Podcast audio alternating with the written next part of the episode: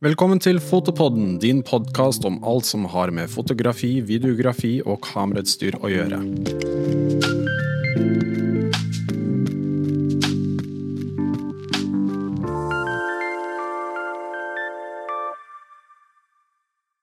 Vårt eh, lange, flotte land er fylt med fantastiske landskap, masse kultur og uendelig av interessante historier. Alle har en historie å fortelle, fra mennesker man møter til steder man besøker.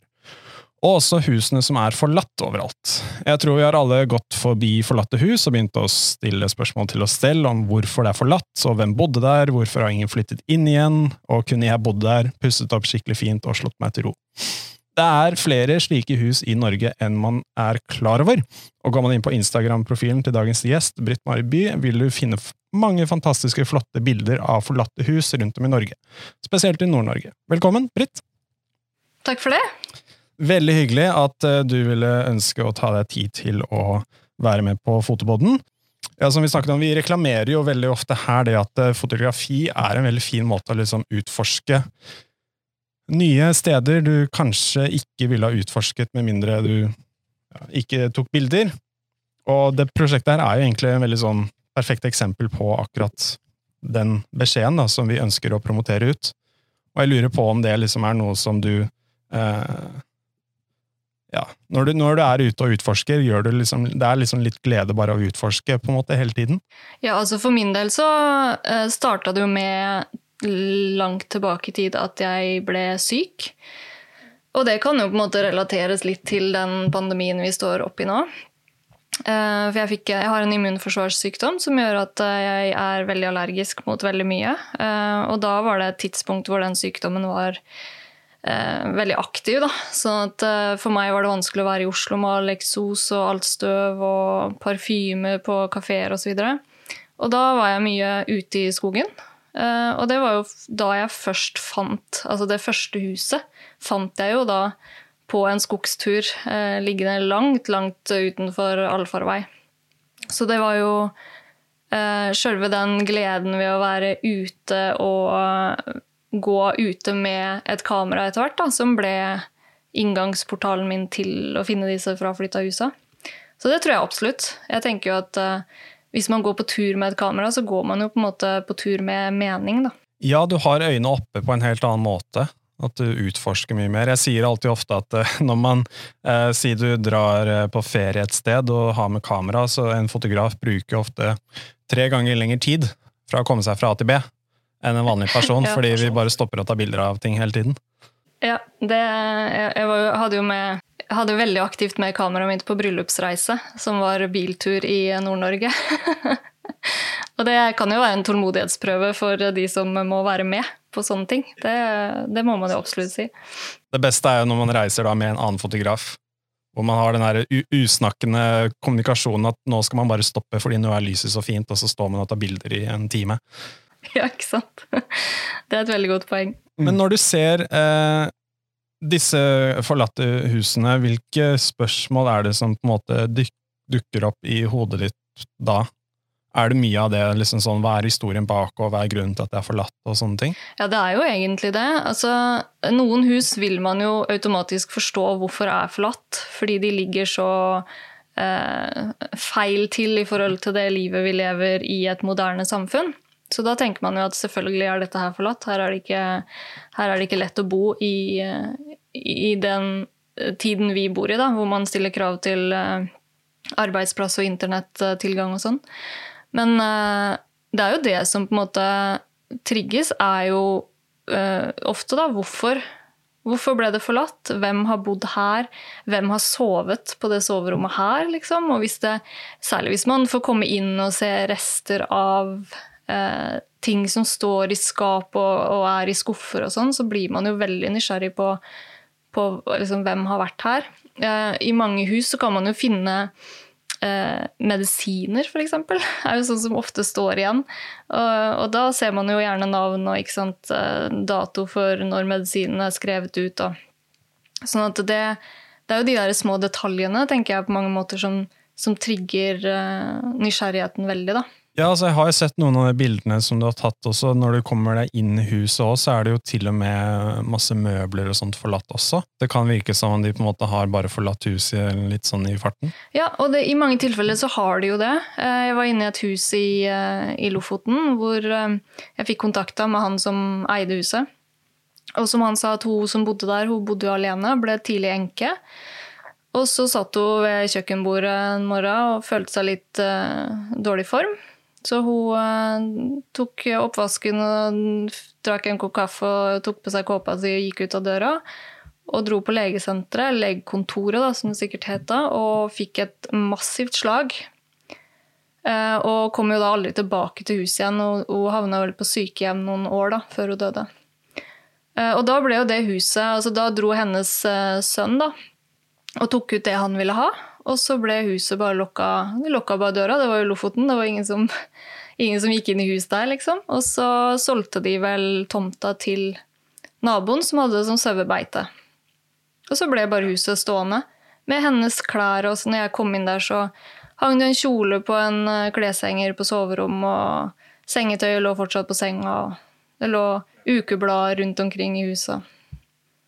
Så det er jo en veldig spesiell opplevelse når det er sånne tilfeller, da, hvor de faktisk bare har gått ut døra og lokka igjen etter seg. Er det ofte en grunn til at hus blir forlatt?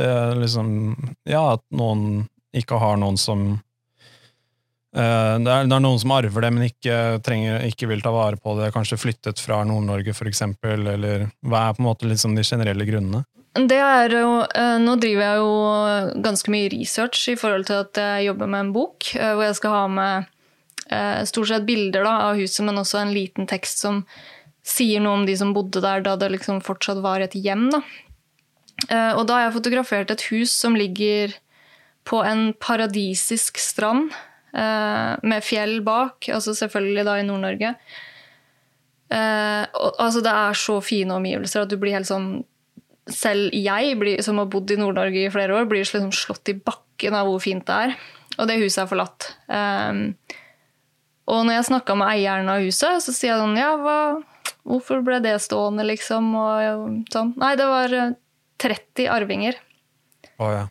For det var jo ikke testamentert til noen, eller det var ikke liksom bestemt at det skulle gå til eldste sønn, eller, for det var jo vanlig før.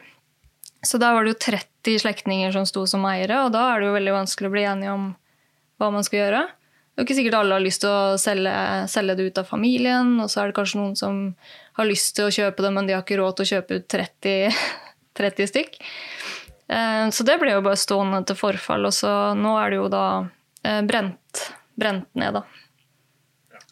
Så, og det har jo skjedd med veldig mange av de husene jeg har fotografert, at de, de eksisterer jo ikke lenger annet enn på bilder, da. Fordi de har blitt revet eller tatt av en vinterstorm eller eller blitt eh, øvelse for brannvesenet. Så jeg tror jo, sånn som når jeg undersøker ting, så er det jo veldig ofte en arvestrid eller en altså uenighet mellom slektninger eller beliggenhet i seg selv. Um, eller at eier en eller annen gang har planer om å sette det i stand, eller at barn skal arve det for å ha det som feriested på sikt.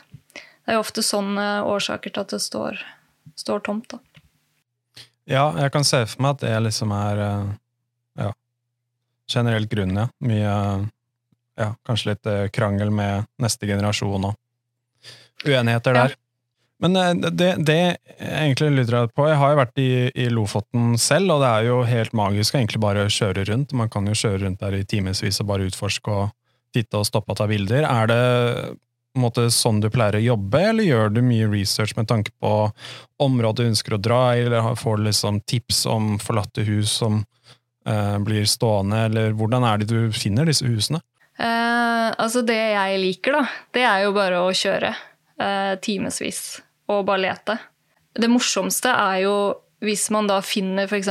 restene av en gammel port og så er det bare kratt og, og, forvokste trær, og så tenker man ja, kanskje det er noe her, og så rusler du liksom opp en liten bakke, og så plutselig så finner du da et hus sant, som har stått forlatt i 30-40 år.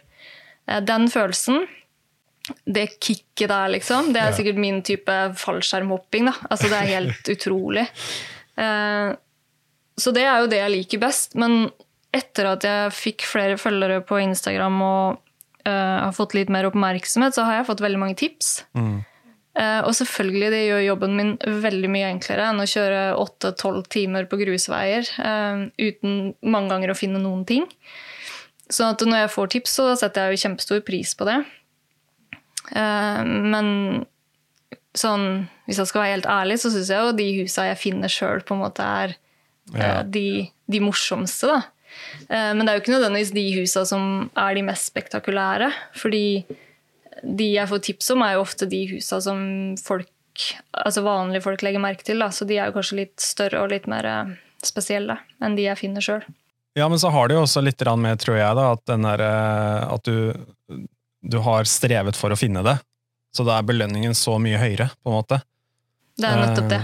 Og så er det jo, bruker jeg jo en del Google Maps da, på å sitte altså Nå har du jo Google Street View, det er jo kjempekjekt. Så hvis jeg planlegger en altså Jeg må jo si at mange av feriene går, går jo til å, å, å kjøre på litt sånn i grisgrendte strøk og på veier man ikke egentlig ville kjørt. Eh, og da kan det hende at jeg kjører den strekningen på Google Street View da, hvis Google-bilen har vært der. Um, og hvis det er enda mer grisgrendte strøk, så kan jeg gå inn på satellittview på Google og se etter uh, gamle, forfalne tak. Men da hender det jo veldig ofte at man kommer fram til en låve eller et uh, uthus. Eller, ja. Så jeg foretrekker fortsatt det å rett og slett bare kjøre. Ta med matpakke og niste og termos med kaffe og sette seg i bilen og kjøre. Ja, du gjør det liksom bare for gleden. Gleden av å gjøre det, og gleden av å være ute, og gleden av å utforske. Ja, og så blir det jo en sånn For meg blir det en sosial ting. da. Jeg har ikke lappen, sånn at jeg kan ikke kjøre sjøl. Så jeg må alltid ha med meg noen. Eh, Så da blir det jo liksom til at man drar på tur, da. Koser seg og er sosial. Og jeg har blitt kjent med mange som liker å drive med det samme. eh, Og har jo vært på tur med en del av de. Eh, Så da får man jo liksom noen å dele opplevelsen med. Og så er det jo heller ikke trygt å dra alene. Jeg har jo hatt noen nær falle gjennom gulvet og nær få takstolpe i, i hodet-opplevelser. Sånn at man skal jo alltid være to når man drar.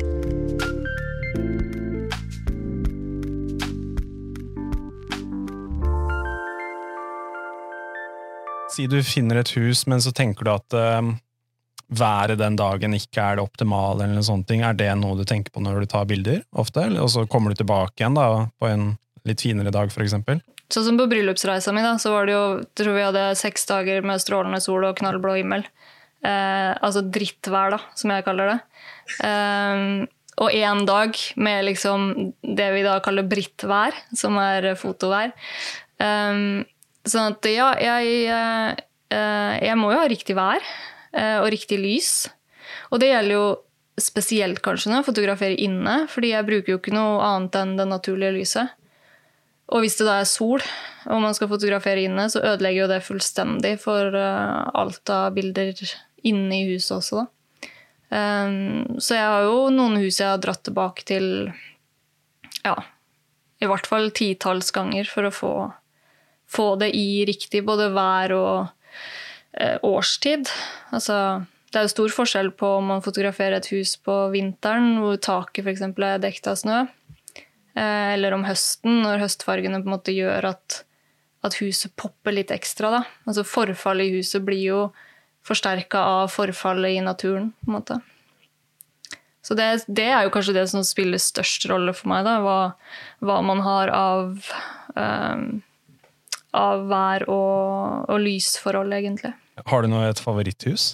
Ja, jeg har det.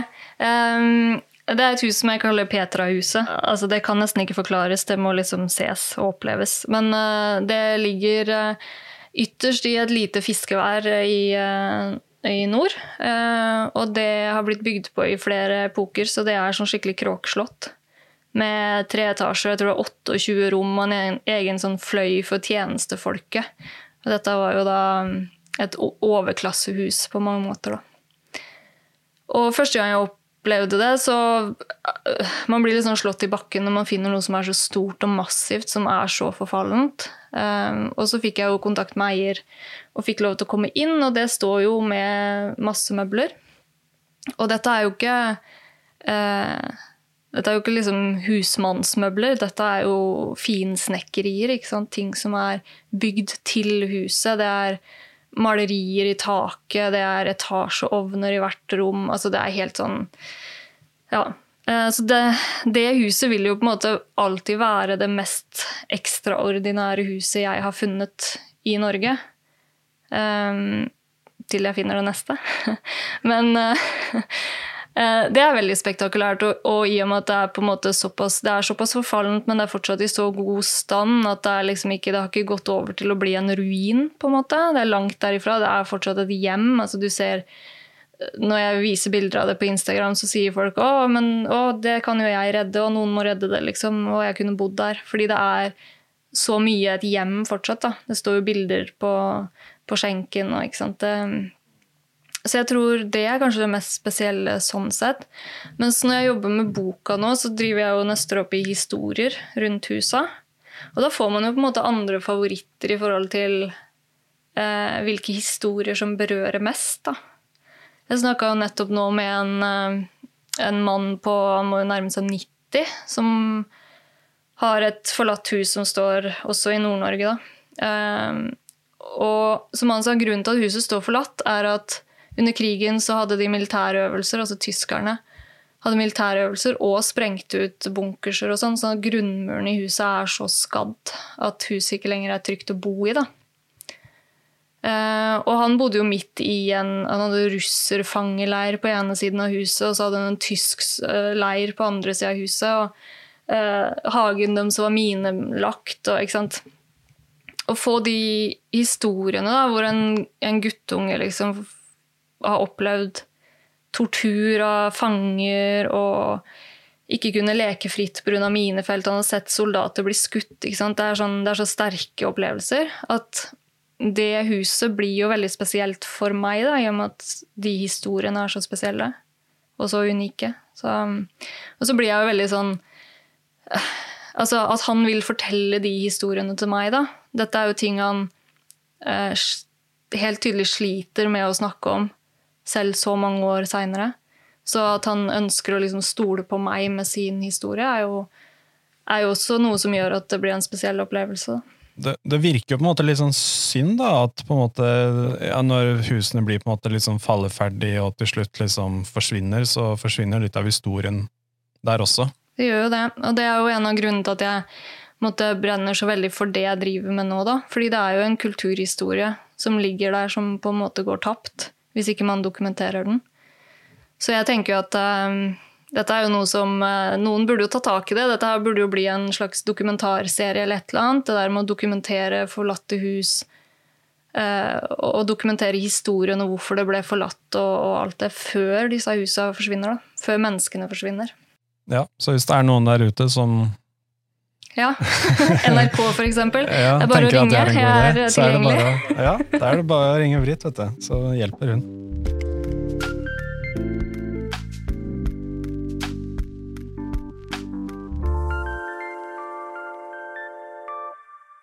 Gå litt tilbake på det som du sa i stad, med at eh, noen eh, sender meldinger og ønsker å redde husene og sånne ting.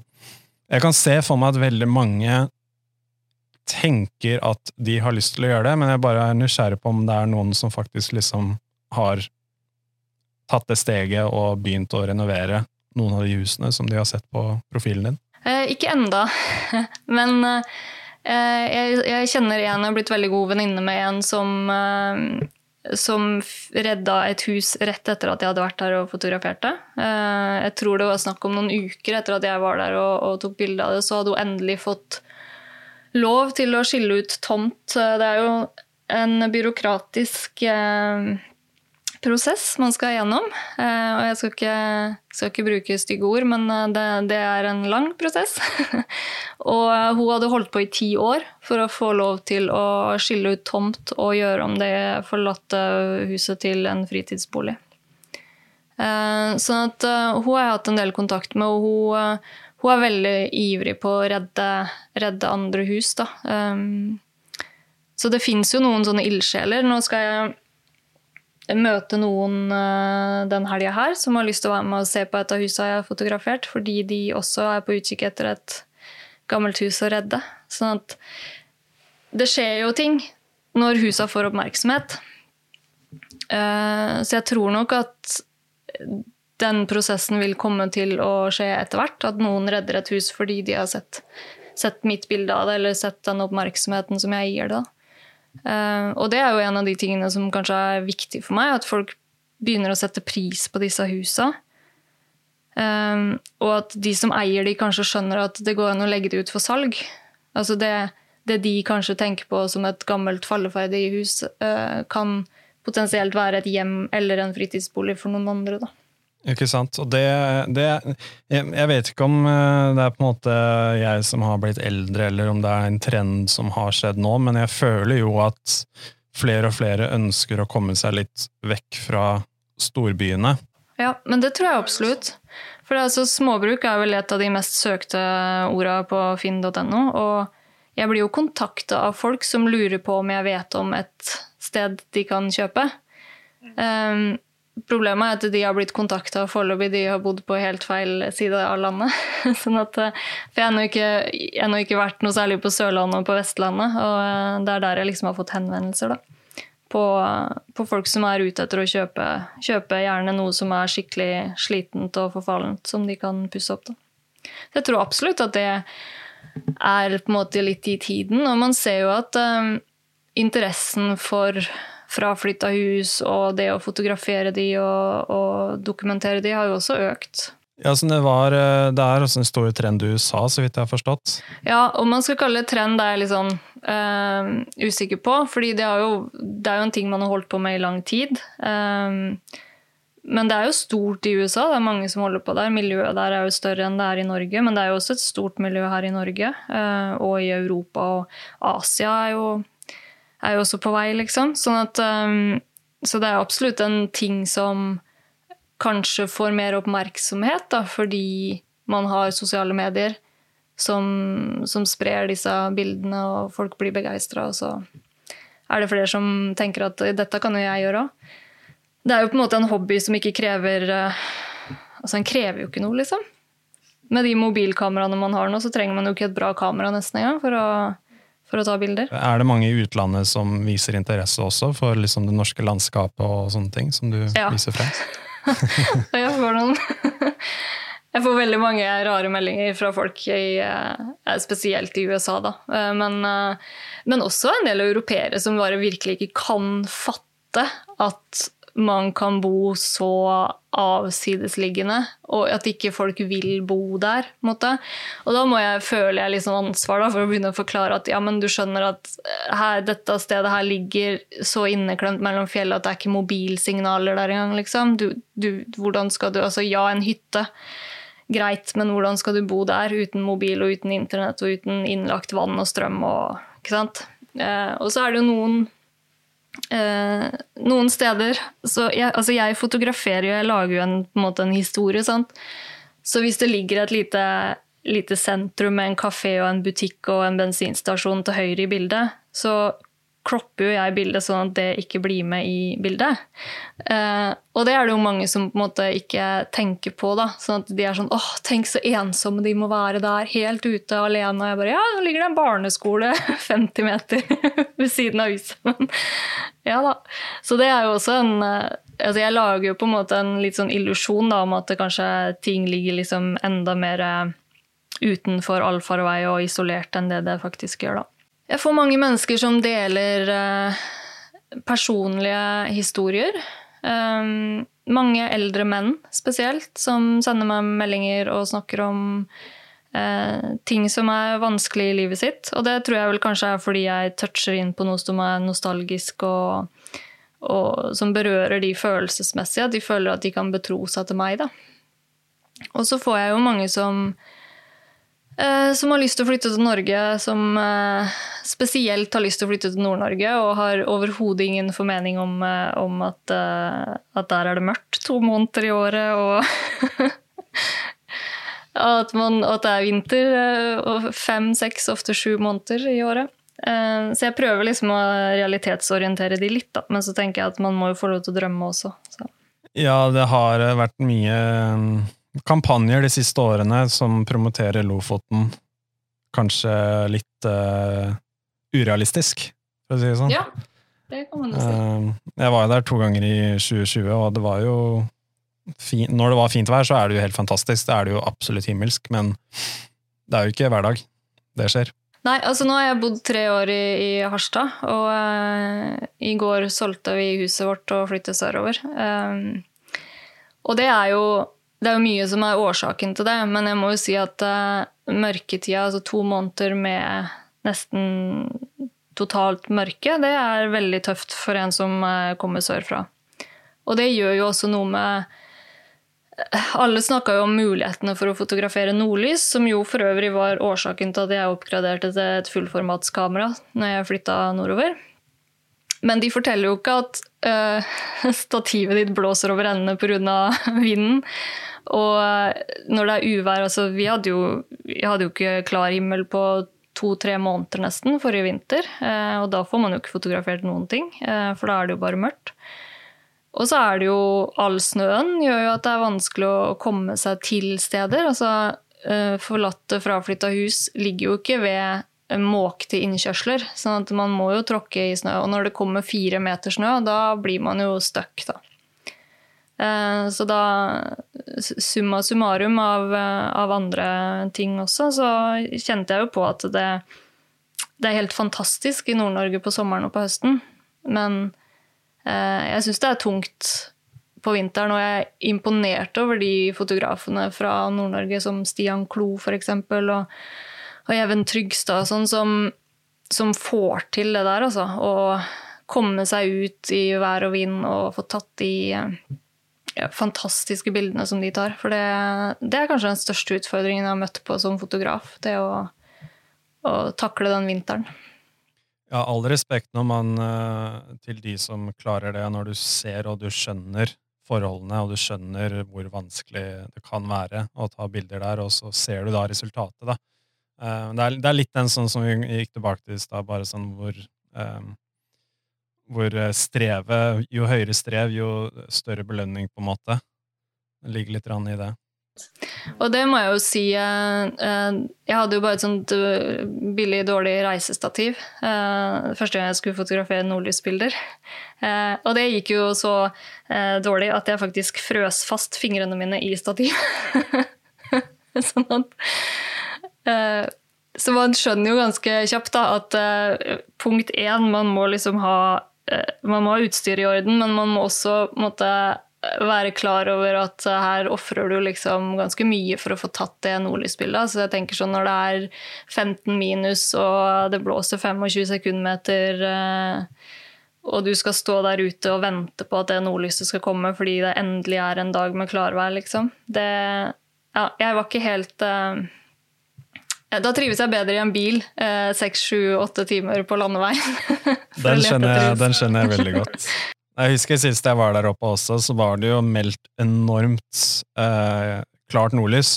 Altså veldig, veldig, veldig bra. Det var liksom var på NRK på nyhetene at man nesten kunne se nordlys i Oslo, eh, på steder der og sånne ting.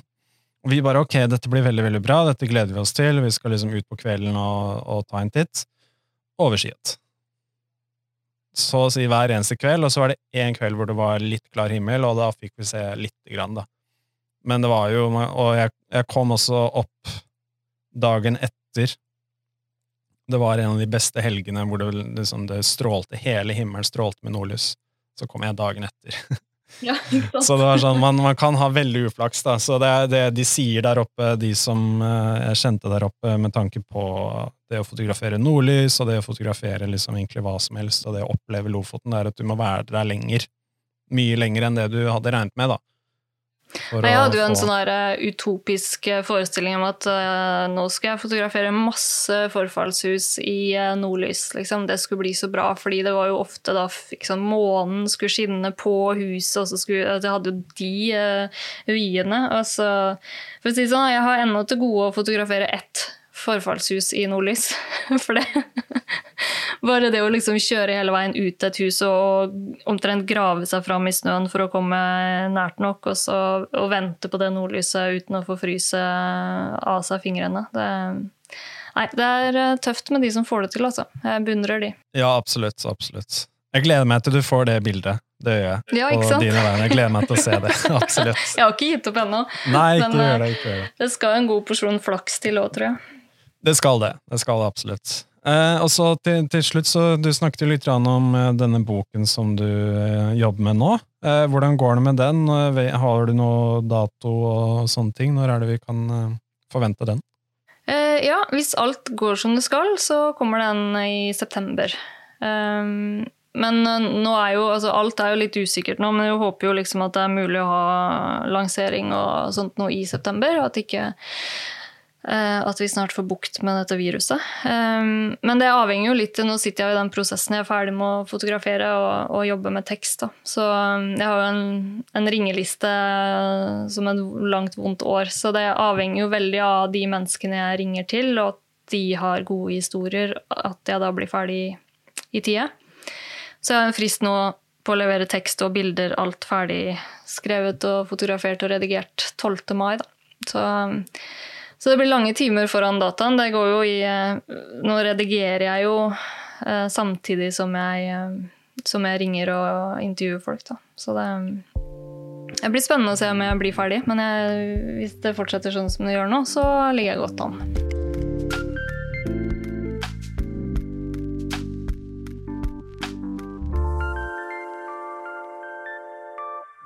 Tusen takk for at du tok deg tid til å være med. Veldig, veldig interessant prosjekt. Ja, tusen takk for at jeg fikk være med. Det var veldig koselig. Jo, veldig, veldig hyggelig. Eh, og så, ja, eh, sjekk gjerne ut eh, Britt Maries eh, på Instagram og nettside og sånne ting. Og så når boka kommer ut, så gleder vi oss veldig til det. Tusen, tusen takk for at du tok deg tid, og så ses vi i neste episode.